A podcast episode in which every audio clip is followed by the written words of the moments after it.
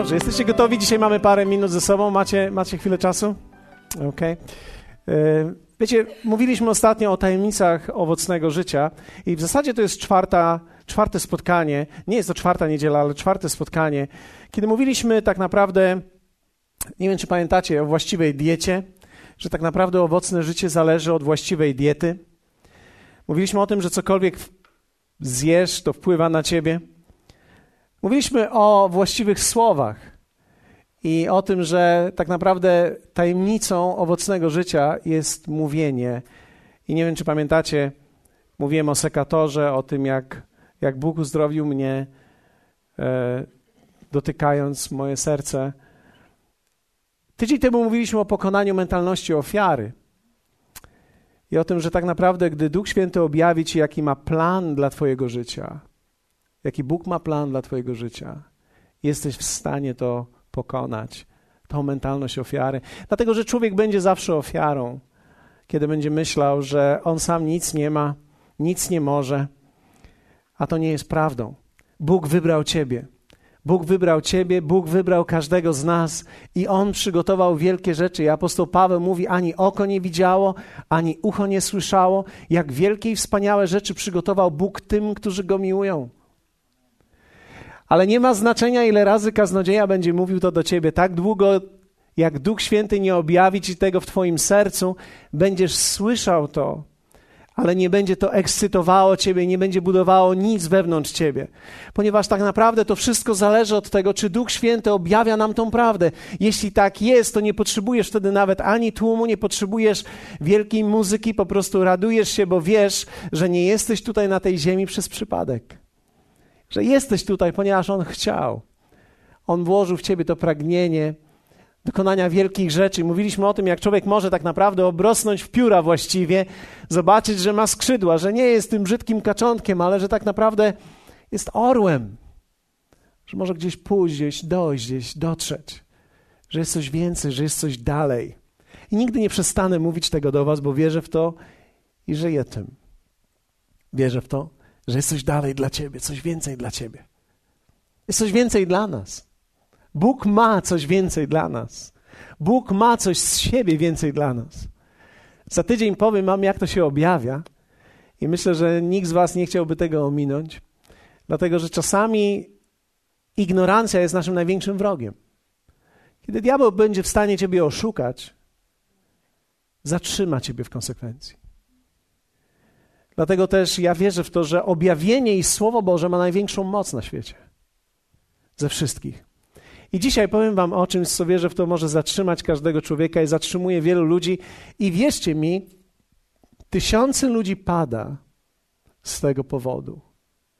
I dzisiaj powiem Wam, jak z tego wyjść, jak być wolnym. Dlatego, że owocne życie zależy od tego, czy Ty to pokonasz, czy też nie. I to coś nazywa się wewnętrzny bunt pokonanie wewnętrznego buntu. Czy to nie brzmi fantastycznie? Wszyscy posmutnieli, gdy to powiedziałem. Pokonanie wewnętrznego buntu.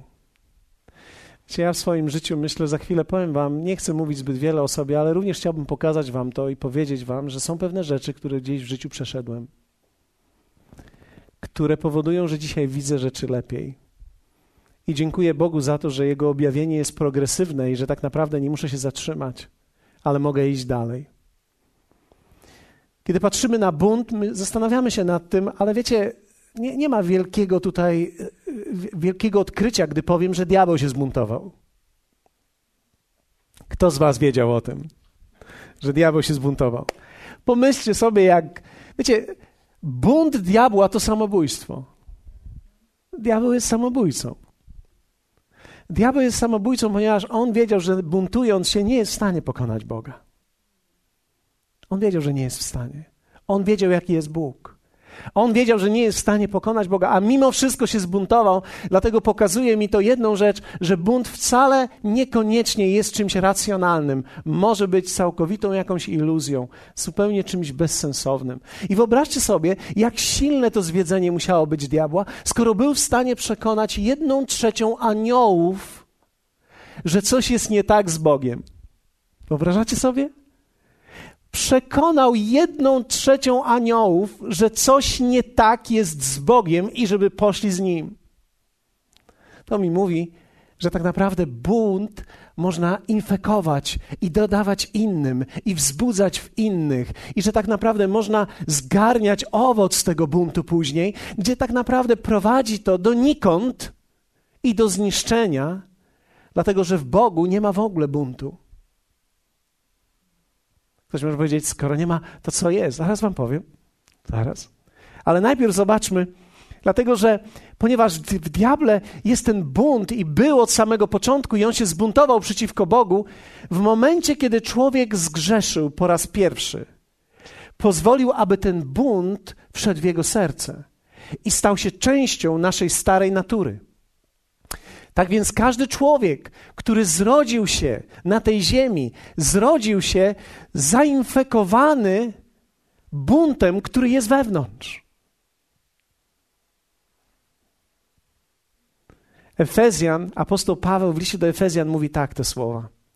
I wy umarliście przez upadki i grzechy wasze, w których niegdyś chodziliście według modły tego świata, naśladując władcę, który rządzi w powietrzu, ducha, powiedzmy razem ducha, to jest ważne, ducha, który teraz działa w synach opornych.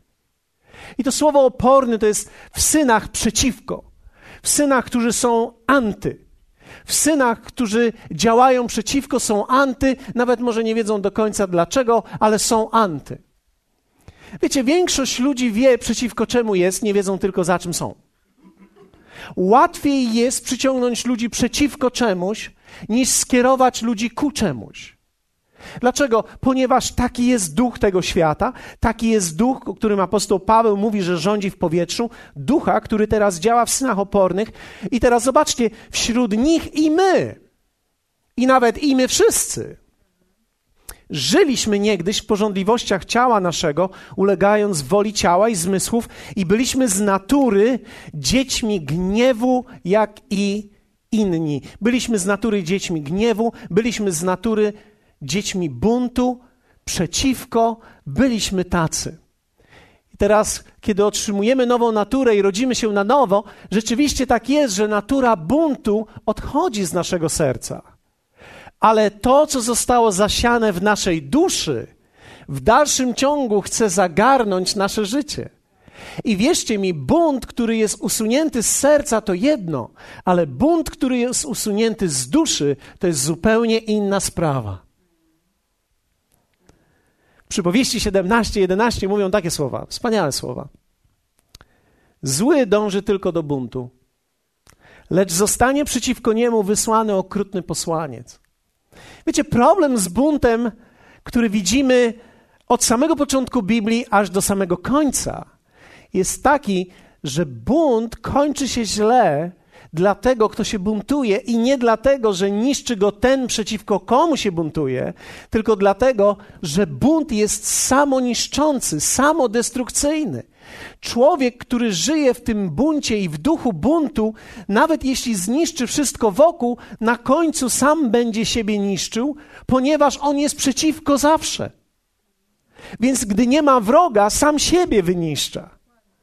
Więc tak naprawdę, kiedy człowiek żyje w tym duchu buntu, największe żniwo tego zniszczenia jest w nim samym, ponieważ ciągle w nim dokonuje się ta samodestrukcja, zniszczenie wewnątrz. Jestem przeciwko całym sobą.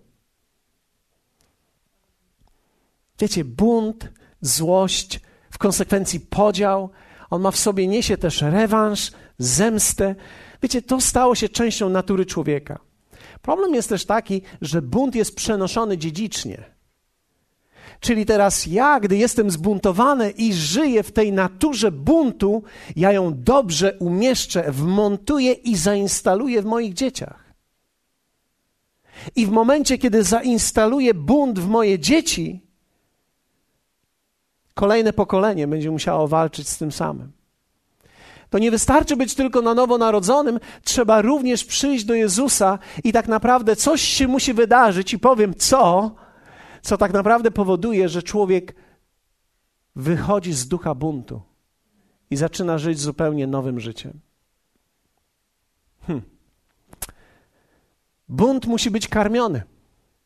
Bunt jest udzielany, ale można karmić go złą mową, krytyką, plotkowaniem albo stawianiem kogoś w złym świetle. Pamiętam, tego na samym początku nie widziałem, ale gdy przyszedłem na pierwsze spotkanie jeszcze oazowe, biblijne takie studium, było tam kilka osób. Nie wiem, czy Edytka wtedy była, ale pamiętam, że Janek był wtedy. Chyba byłaś, bo ty byłaś od zawsze, prawda? Byłaś fundatorem oazy chyba w naszym. Pół roku później. Rok później ty, ja dotarłem? Ty dotarłaś, okej. Okay. Ja przyszedłem na spotkanie i pamiętam, że oni otwierali Biblię i, i, i studiowali, i czytali fragment. I ten, który prowadził, coś mówił na ten temat. A ja podniosłem rękę i mówię: Ja bardzo przepraszam. Ja myślę inaczej. I wszyscy w takiej konsternacji. Ale że jak myślisz inaczej? Ja nie wiem jak. Ja wiem tylko jedno, ja jestem przeciwko. Ja, ja znajdę argumenty, żeby być przeciwko. No i wytworzyła się dyskusja. Ktoś z Was kiedyś uczestniczył w tak zwanych biblijnych dyskusjach na argumenty? O, o, wtedy wszyscy przeżyliśmy i poczuliśmy, że to jest prawdziwy miecz. To jest prawdziwy miecz do walki. Niesamowity miecz. Wiecie, więcej ludzi prawdopodobnie w życiu, w świecie, w historii ludzkości zginęło z powodu wojen bibli- tych tak zwanych biblijnych, religijnych, niż z powodu jakichkolwiek innych wojen. To jest straszne, ale tak jest. Więc nawet w oazie byłem synem opornym. Walczyłem ze wszystkim, co jest niesłuszne, ze wszystkim, co jest niewłaściwe. Wszystko, cokolwiek się nie zgadzało, to ja już wiedziałem, co się nie zgadza. Bo przecież musi się zgadzać. Ja nie wiedziałem o tym, że tak naprawdę chodzę w głębokim buncie. I to nie był problem dla innych ludzi, bo inni ludzie, gdy widzą, że ty tak żyjesz, to mają prosty sposób, oni cię oddzielą. Oni cię wyeliminują. Zawsze będziesz musiał wtedy szukać kogoś, kto cię polubi na nowo. Zawsze będziesz musiał zmieniać środowisko, bo tylko zmiana środowiska daje ci szansę, że ktoś cię dalej lubi. Bo w starym środowisku cię już nie będą lubić, bo ty zawsze jesteś przeciwko. Cię znają jako ten, który jest Jana nie.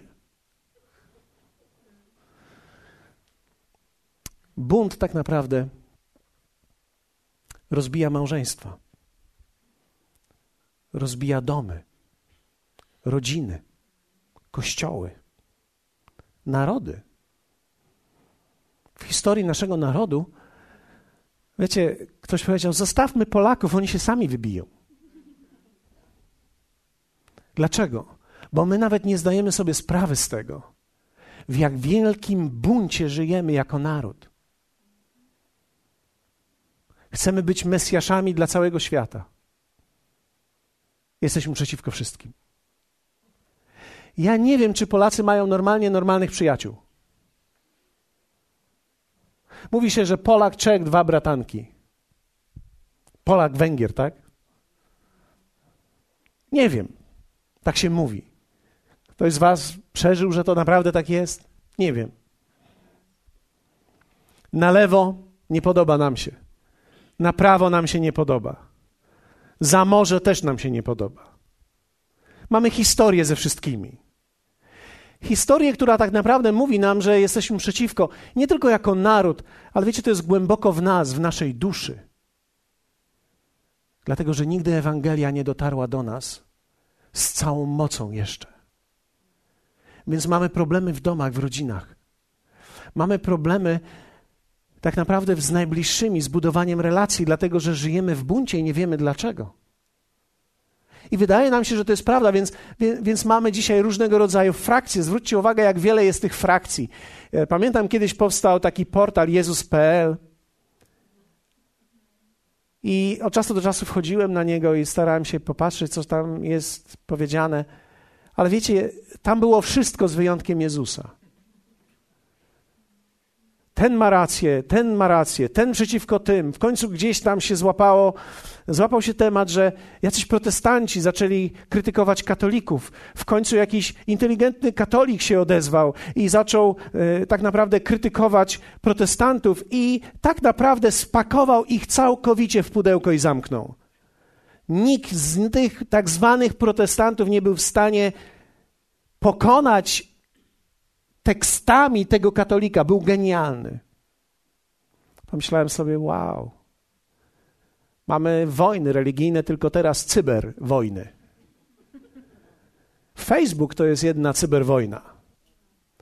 Jeden powie tak, źle zrozumiałeś, to trzeba było zrozumieć tak. Nie, tu jemu chodziło o to. A, wy wszyscy nic nie rozumiecie, chodzi o to. O mój Boże. A myślałem sobie, wow. Jak my wszystko wiemy. My wszystko wiemy. My jesteśmy teologami. My wiemy wszystko. My wiemy, kto ma rację. Mamy wojny różnego rodzaju. I to nie tylko wojny protestancko-katolickie, ale wewnątrz protestanckie są też fajne. Ten kościół na ten kościół. Ten kościół na ten kościół. Ci nie mają pełnej prawdy, my mamy prawdę. Wow. Nie, tamci nie mają prawdy, my mamy prawdę. Bardzo ciekawe. W końcu chciałoby się powiedzieć, niech ten, kto ma prawdę, wstanie. niech ten, kto ma prawdziwą prawdę, wstanie. Wiecie, te wszystkie dyskusje mówią tylko o jednym, że Ewangelia nie dotarła jeszcze do głębi do naszego serca. Nie dotarła.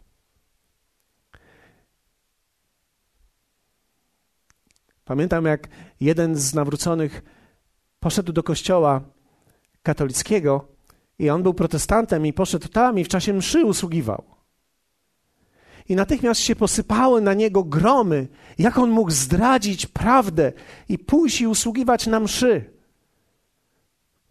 Myślałem sobie, mój Boże, człowiek głosi Ewangelię. Prawdopodobnie nikt z tych ludzi, którzy go krytykują, nigdy by tam nie dotarł. Myślę sobie, nie, to tak nie może być. I teraz, wiecie, można na to zareagować również, czyli można podjąć temat i powiedzieć: Nie, no teraz chwileczkę, ja wam wytłumaczę. My potrzebujemy uleczenia z tego. Wiecie? Mamy szansę to zmienić. Mamy szansę to zmienić. Ty masz szansę to zmienić. Możesz być wolnym człowiekiem. Ktoś do mnie powiedział ostatnio: Musimy zorganizować jakiś marsz protestancki. A myślę sobie, a przeciwko komu ja będę protestował, bo ja nie wiem. No ale bracie, bracie, bracie, no, czy ty nie jesteś protestantem? Myślę sobie, no nie, no, nie jestem. No to kim jesteś? Okej, okay. trzymaj to, trzymaj to. Trzymaj to pytanie. Często próbujemy to, co Bóg robi nowego, zdefiniować poprzez to, co było. Ale definicje, które były, nie obejmą tego, co jest. Dlatego, że Bóg czyni nową rzecz. Czyż tego nie widzicie? Nową rzecz. Powiedz nam, jak się nazywa. Ja nie wiem. Ja nie wiem nawet, jak ją nazwać. Wiem jedno tylko: jest wspaniała, jest cudowna. Jest cudowna, bo ona w swojej definicji nie jest przeciwko niczemu, a ma głęboko w sobie, że jest za czymś. Ona nie walczy z nikim i ona z niczym nie chce walczyć. Ona jest wolna od walki. Ona walczy o życie. Ona walczy o przyszłość.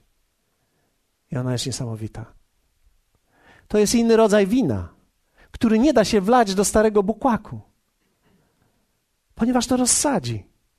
Co to oznacza? To znaczy, że się nie mieści w tych definicjach.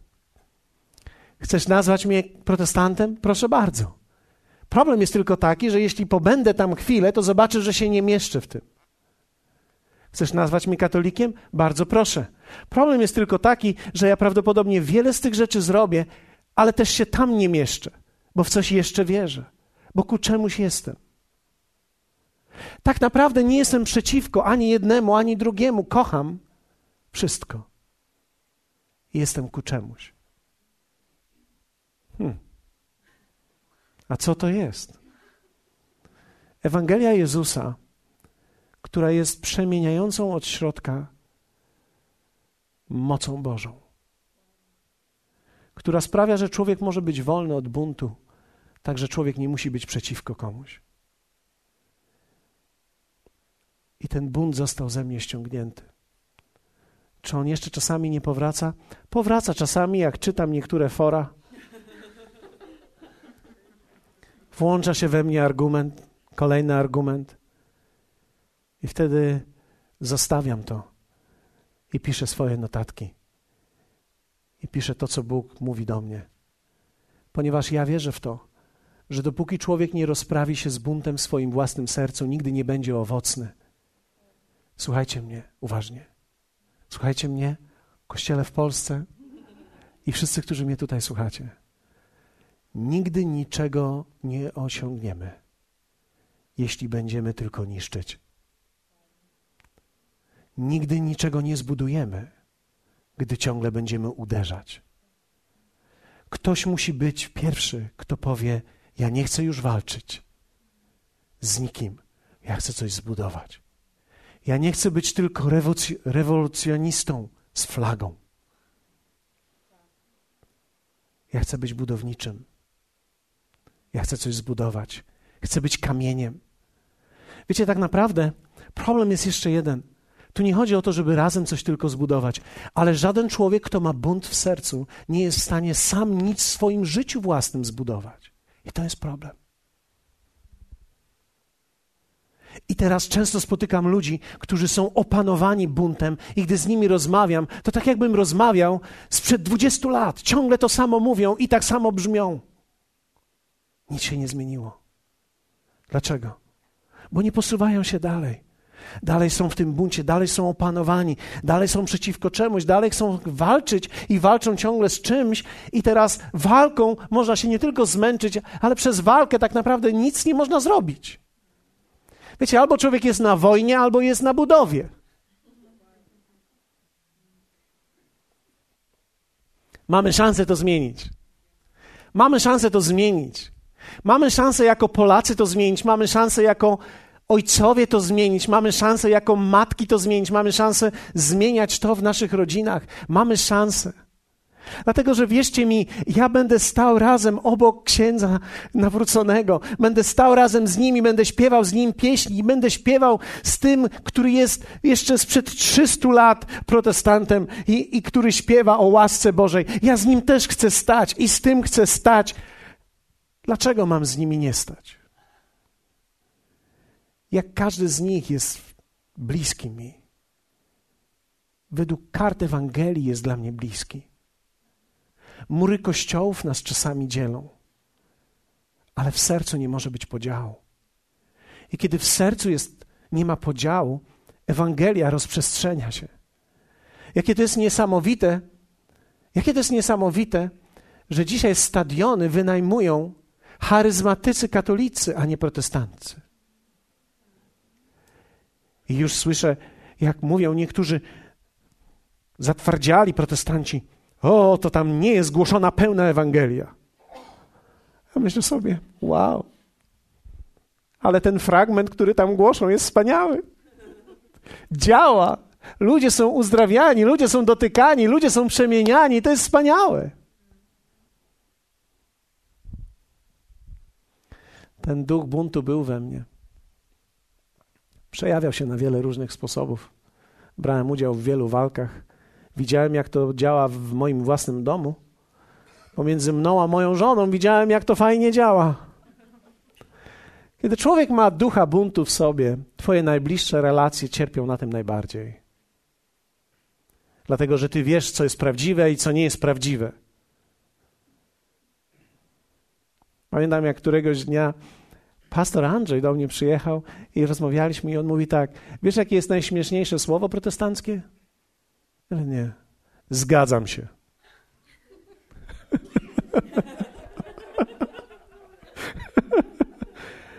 Zgadzam się. Ja myślałem, że rzeczywiście to jest śmieszne. Tak jakby to cokolwiek zmieniało. No z tym się zgadzam, a z tym się nie zgadzam. A pomyślałem sobie, drogi protestancie, a co będzie, jak ktoś przyjdzie i ci powie o rzeczach, których nigdy nie słyszałeś? I nie będziesz mógł powiedzieć, zgadzam się, albo nie zgadzam się. Tylko jest to straszne, którego ty nie znasz, to znaczy nie wiem. I będziesz nagle musiał rozróżnić, czy to jest prawdziwe, czy to nie jest prawdziwe, i będziesz potrzebował wtedy Ducha Świętego w tym momencie, na ten czas. Ja się z tym zgadzam, a z tym się nie zgadzam. Ciekawe. Pamiętam, kiedyś głosiłem w jakimś kościele i ludzie tak patrzyli na mnie. Mój Boże, co on mówi? Co on mówisz? Mogłem to słyszeć. I nagle prąd wysiadł. I czułem, jak większość z tych ludzi, później dowiedziałem się, jaką ulgę przeżyli. Pan mu głos odebrał. Pan mu głos odebrał. Nie mogliśmy już tego słuchać. No nie mogliśmy tego słuchać, bo ciągle mówił coś, czego wcześniej nie słyszeliśmy. A czyż nie jest taka Ewangelia, ani oko nie widziało, ani ucho nie słyszało? No to jak nie słyszałeś, to co ja mam ci teraz powiedzieć, jeśli ty już zawsze słyszałeś to, co słyszałeś i mam ci mówić to, co zawsze słyszałeś? Pozwól, że ci powiem coś, czego nie słyszałeś. Tak, żebyś nie mógł powiedzieć, no zgadzam się. Naprawdę, bracie, się zgadzam. Dobrze, to tu z tej strony niech usiądą bracia, którzy się zgadzają, a z tej strony niech usiądą bracia, którzy mają wątpliwości. Z tym już podziękuję. E, będę z tymi rozmawiał, bo to najpiękniejsza grupa, to są ci, którzy dalej myślą jeszcze. Słuchajcie, jest genialny tekst. Wprowadzę go teraz i za chwilę kończymy. Łukasza 9. Wiecie, Jezus Jezus mówił o duchu i Jezus żył w pewnym duchu, i on wiedział, że tak naprawdę pewna prawda, gdy człowiek nią żyje, ona musi sięgnąć głębiej niż tylko poziomu intelektu, dlatego że można używać tego jako broni i niszczyć ludzi. Ja znam fragment przeciwko. Powiedz mi ten tekst, a ja ci powiem ten tekst. Odłóżmy tekst na razie, spójrzmy na słowo. Jezus mówi tak i rzekł do nich: Wiecie, to był moment, w którym rozmawiał z uczniami Jezus. I teraz, wiecie, oni mieli taką myśl, tak sobie siedzieli i tak myśleli, kto tu z nas będzie największy? Mm-hmm. Wiecie, uczniowie zawsze mieli ciekawe myśli, więc tak sobie myśleli, kto z nas będzie pierwszy? Mm-hmm. Wtedy Jezus wziął dziecię na swoje ręce i werset 48 zaczyna tak, i rzekł do nich, kto by przyjął to dziecko, to dziecię, w imieniu moim mnie przyjmuje. Kto zaś mnie przyjmuje, przyjmuje tego, który mnie posłał. Kto bowiem jest najmniejszy między wami wszystkimi, ten jest wielki. A Jan odpowiedział, odpowiadając, rzekł, mistrzu. Wiecie, to jest ciekawe. Widzieliśmy takiego, który w Twoim imieniu wygania demony i zabranialiśmy mu, ponieważ nie chodzi z nami. Wtedy Jezus rzekł do niego: Nie zabraniajcie kto bowiem nie jest przeciwko wam, ten jest z wami. Zaraz chwileczkę, bo nie rozumiem. Mistrzu, mistrzu, a w tamtym kościele wyganiają demony, ale ciebie tam nie ma. Zabranialiśmy im. A Jezus mówi: Nie, nie, nie zabraniacie im. Oni są z nami. Jak są z nami, jak nie są z nami? A Jezus mówi: Oni są z nami. I stało się, gdy dopełniły się dni, kiedy miał być wzięty do nieba i postanowił pójść do Jerozolimy, żeby wysłał przed sobą posłańców, że wysłał przed sobą posłańców, a ci w drodze wstąpili do wioski samarytańskiej, aby mu przygotować gospodę, lecz nie przyjęli go. Dlatego, że droga jego prowadziła do Jerozolimy. Czyli chciał przejść przez Samarię i w Samarii dowiedzieli się, że on tylko przechodzi przez Samarię, a ponieważ wiedzieli, jaki jest stosunek Żydów do Samarytan, więc nie chcieli go przyjąć. Powiedzieli mu, nie, tu nie będzie. A gdy to widzieli uczniowie Jakub i Jan, rzekli, Panie, czy chcesz, abyśmy słowem ściągnęli ogień z nieba, który by ich pochłonął? Jak to Jeliasz uczynił? O, wyobrażacie sobie? Do tej wioski nie. E, musiała naprawdę woda sodowa uderzyć nieźle tym apostołom, ponieważ już doszli do takiego miejsca, gdzie pomyśleli sobie, zaraz chwileczkę, zaraz, kto nas nie chce przyjąć? Chwileczkę? Kto nas tu nie chce przyjąć? A ci nas nie chcą przyjąć. Panie Jezu, e, my znamy trochę Biblię i wiemy, że w takich przypadkach szczególnych można poprosić, aby ogień z nieba zszedł i ich. Chcesz, abyśmy to uczynili? Już ty tego nie, my się tym zajmiemy. Panie Jezu. Genialne. A on, Jezus, obróciwszy się, zgromił ich i rzekł: Nie wiecie, jakiego ducha jesteście. Albowiem syn człowieczy nie przyszedł zatracać dusze ludzkie, ale je zachować, dokładnie uratować, zbawić, uwolnić, uzdrowić. I poszli do innej wioski, inaczej mówiąc, inną drogą. Jezus powiedział: Nie wiecie, jakiego ducha jesteście. Wiecie, można mieć prawdę i nie wiedzieć, jakiego ducha się jest. Pytanie, które mam dzisiaj do ciebie, to jakiego ducha jesteś? Dlatego, że można żyć w tak zwanej prawdzie i żyć w buncie. I prawda nie przyniesie żadnej korzyści. Jeno zniszczenie.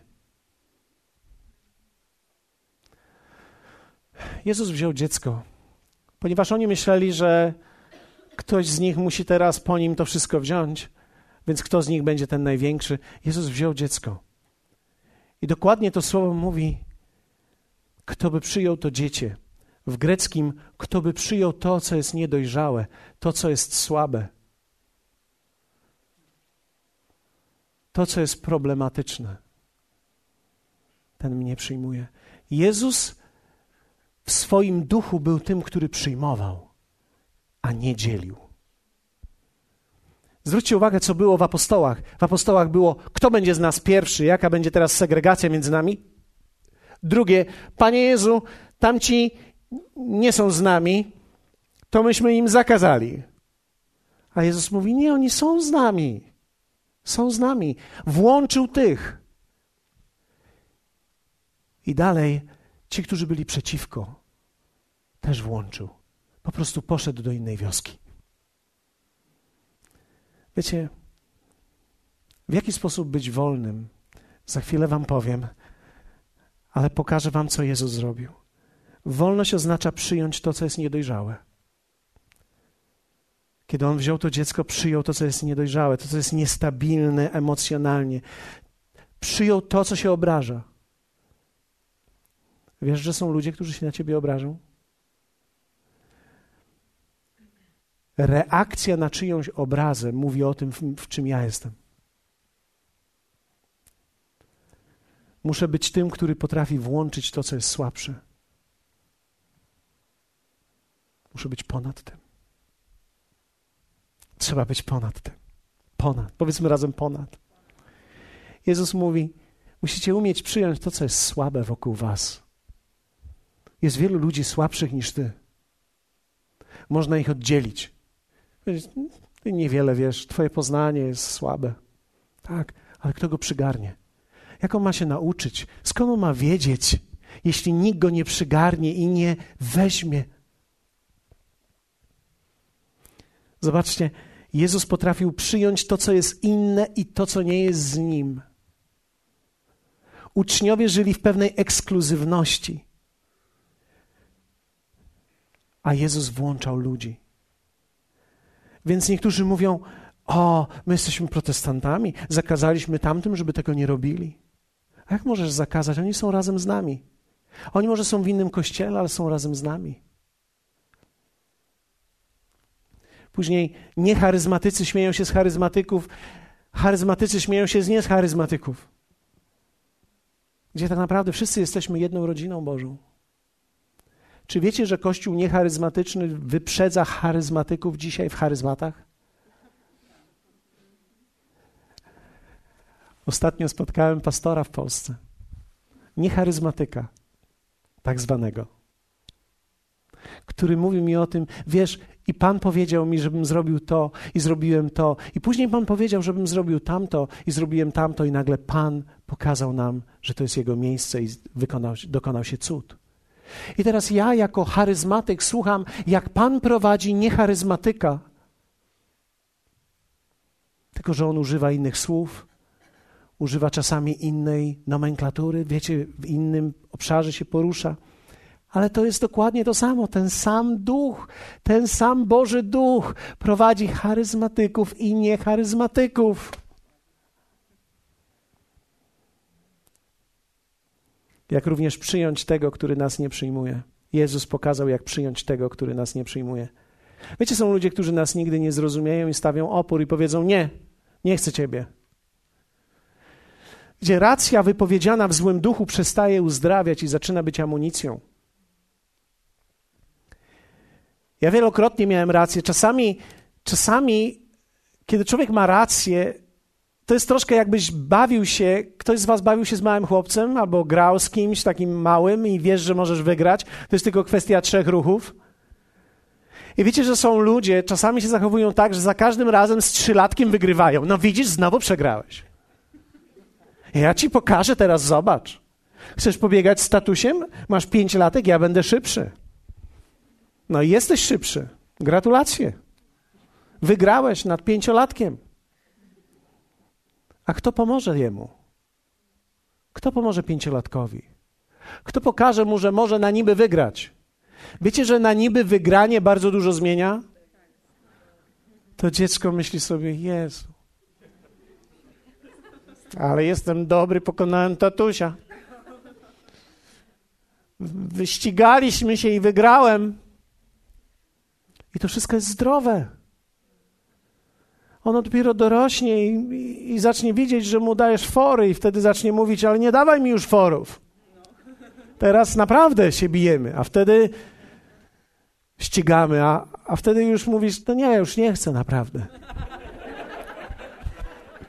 A później dochodzi moment, kiedy to twój syn daje ci fory. I to wszystko jest zdrowe. Co to za okrutność być rodzicem, który ja wygram w szachy. Prześcignę cię, przesiłuję, prześcignę cię w prędkości, w zapasach, we wszystkim. No tak, ale on ma pięć lat, daj mu wygrać. Można mieć prawdę i ją niszczyć. Ktoś może powiedzieć, to znaczy, że mam kłamać? Nie, to znaczy, że trzeba wiedzieć, kiedy się wycofać. Dlatego, że są ludzie, którzy nie mają pojęcia. Wiecie, ja, ja studiuję Biblię. No, nie będę ukrywał tego. Studiuję Biblię. Ja, ja, ja nic innego w życiu nie robię. Ja studiuję Słowo i modlę się. Ja trochę wiem o Biblii. Ale przychodzą czasami ludzie do mnie 10-20 lat w Bogu, którzy znają trochę Biblię i mówią: Wiesz co, ale nie, ja się nie zgadzam, bo tam jest to. Sobie. Hmm. Ja, to jest ciekawe. To jest ciekawe. I tak myślę sobie tak. Zabić go teraz, czy poczekać, aż go życie zabije? Myślę sobie tak, jak go zabiję teraz, to będę jego wrogiem. A jeśli poczekam, aż go życie zabije, to a nóż będzie uciekał i przyjdzie do mnie. I zyskam przyjaciela. Więc wolę to. Więc kiedy ktoś mądruje się, ja wiem lepiej. Okej. Okay. Ja, ja niewiele wiem. Ja tylko szlifuję okładkę z jednej i z drugiej strony. Ja tylko dbałem, żeby moja Biblia ładna była. Pamiętam, z kimś kiedyś rozmawiałem. I mówię, wiesz co, ale ten fragment do końca tak nie mówi, ponieważ w hebrajskim jest to. I później usłyszałem, że ten człowiek powiedział: O, Paweł, jak już nie wie, co ma mówić, to w hebrajski wchodzi. Myślę sobie, to jest ciekawy argument. To jest ciekawy argument. Dlaczego tak jest? Bo my chcemy używać fragmentów jako amunicji, zabijać. Ktoś się dowie czegoś w kościele, przyjdzie do domu. Ja wam wszystkim powiem teraz. Oj, ja wam powiem. I to jest nie, niewłaściwe, i to jest niewłaściwe.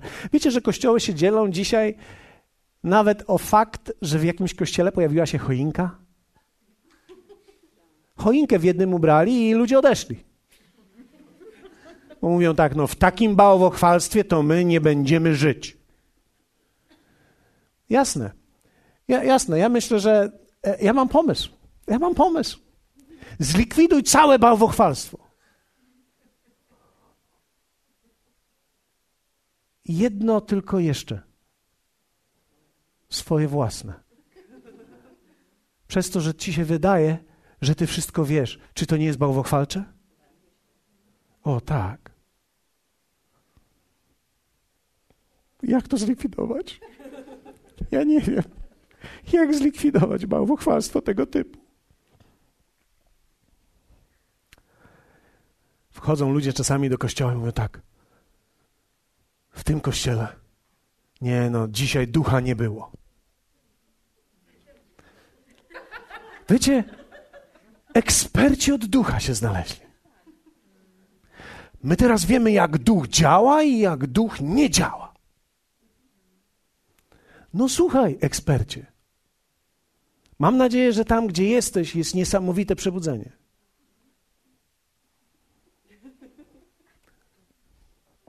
Mam nadzieję, że tym swoim ekspertyzmem zarażasz tysiące.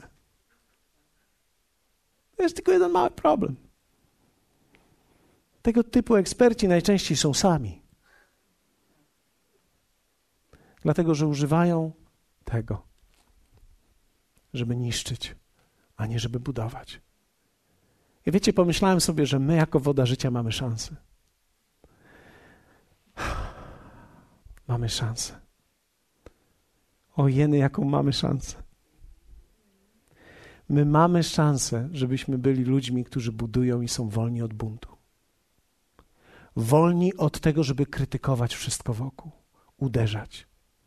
Wolni od tego, aby budować, aby budować, do tego, aby budować to, co jest przed nami. Wiecie, w Ewangelii Jana jest taki fragment: Do swojej własności przyszedł, ale swoi go nie przyjęli. Pamiętacie ten fragment? Jak mi się podoba, że tam nie jest napisane i tych, którzy go nie przyjęli.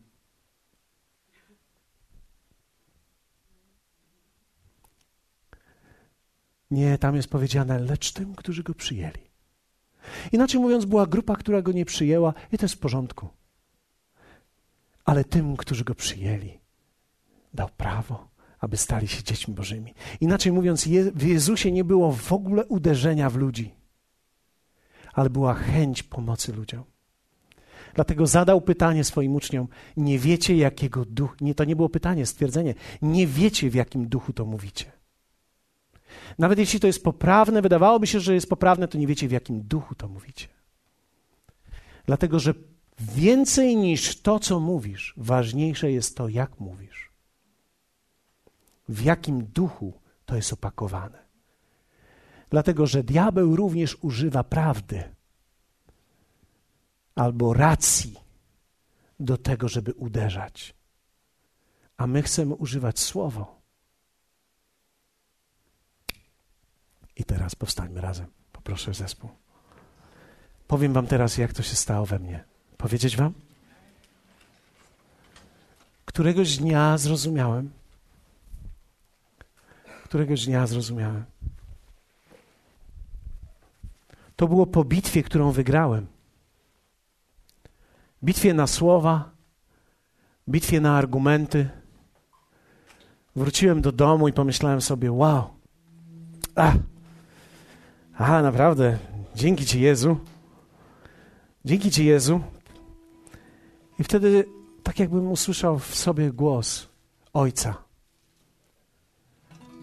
Nie było mnie w tym. To była Twoja walka. Ty wygrałeś, ale mnie w tym nie było.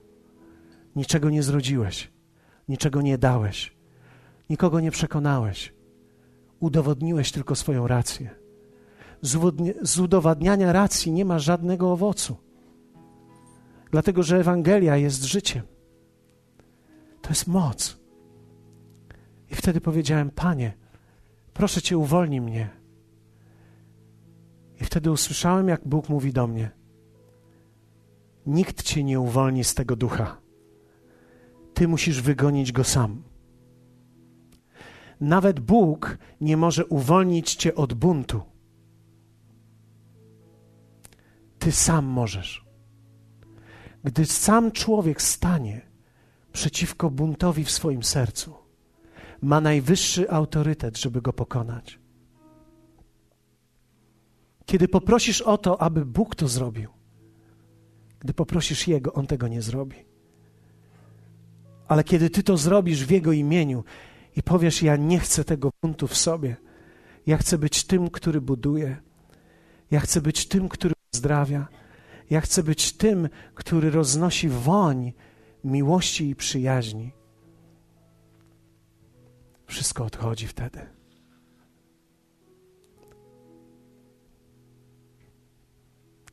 Wiecie, kiedy człowiek przychodzi do drugiego człowieka i mówi do niego: Masz bunt w sobie.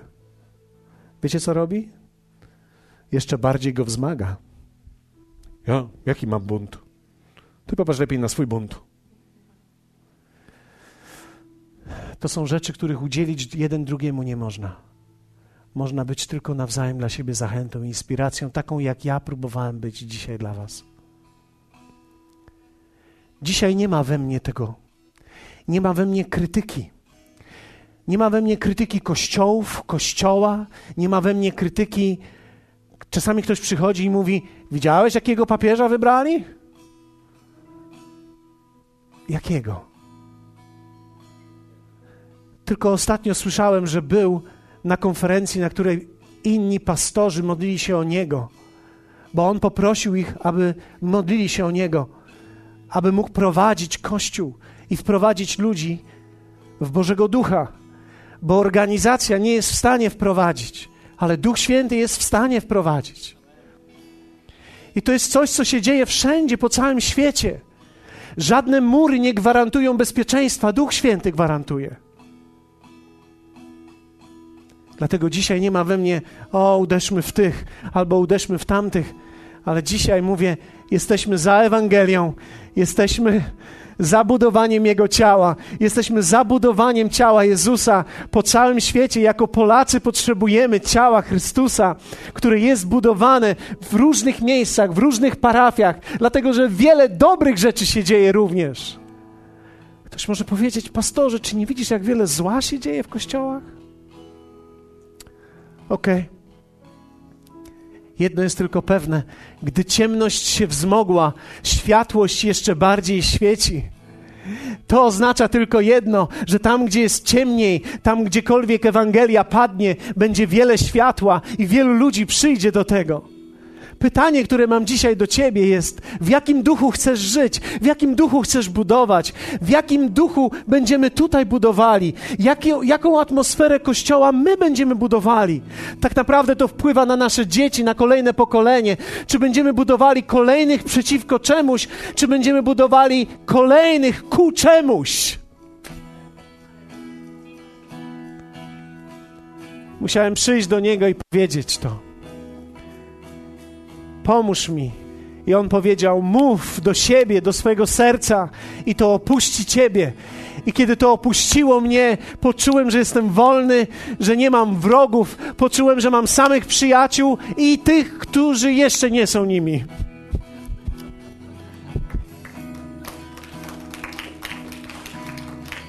Poczułem, że żaden człowiek nie jest moim wrogiem i że żaden człowiek nie może mi nic uczynić i że żaden człowiek nie może nic zabić, co jest prawdziwe we mnie. Jeśli pragniesz tej wolności, Zapraszam Cię do wspólnej modlitwy dzisiaj, do przodu. Będziemy śpiewać, poddamy nasze życie Jemu i uderzymy to, co jest korzeniem w nas, dlatego że nikt nie może tego zrobić za Ciebie. Ty możesz tylko to zrobić. I jeśli pragniesz tego dzisiaj, zapraszam Ciebie tutaj, wspólnie razem ze mną stań, dlatego że ja staję często i mówię do tej duchowości swojej, mówię do tych rzeczy, które się czasami we mnie podnoszą nie będziesz mówił, nie będziesz reagował, ale będziesz żył w miłości, w poddaniu i w zaufaniu. Zapraszam Ciebie, jeśli pragniesz tego, zapraszam Ciebie. Podejdźmy tutaj do przodu, śpiewajmy razem i pozwólmy, aby Duch Święty dotykał nas i aby działał. Hallelujah.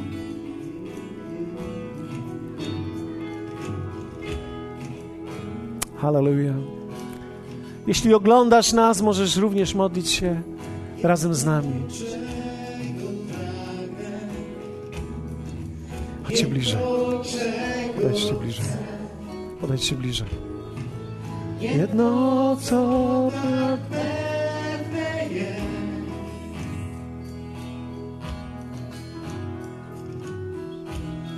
Sens życia tylko w Tobie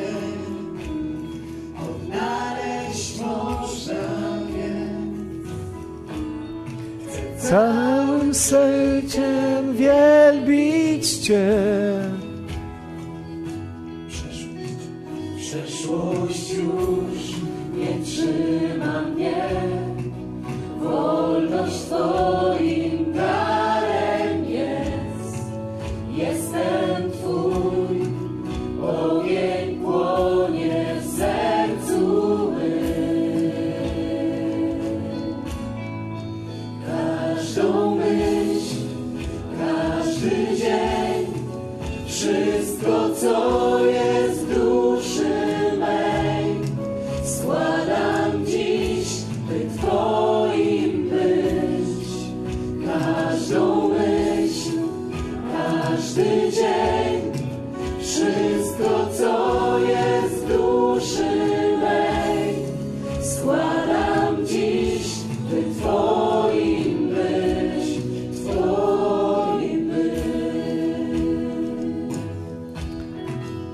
Powiedz razem ze mną. Staję dzisiaj przeciwko temu wewnętrznemu buntowi, który we mnie był zasiany. Mówię mu dzisiaj nie. Ogłaszam wolność nad tym duchem. Chcę chodzić w Bożym duchu, budować, przyjmować, otwierać się na innych, wspierać i modlić się o innych. Chcę być tym, który buduje, nie tym, który niszczy.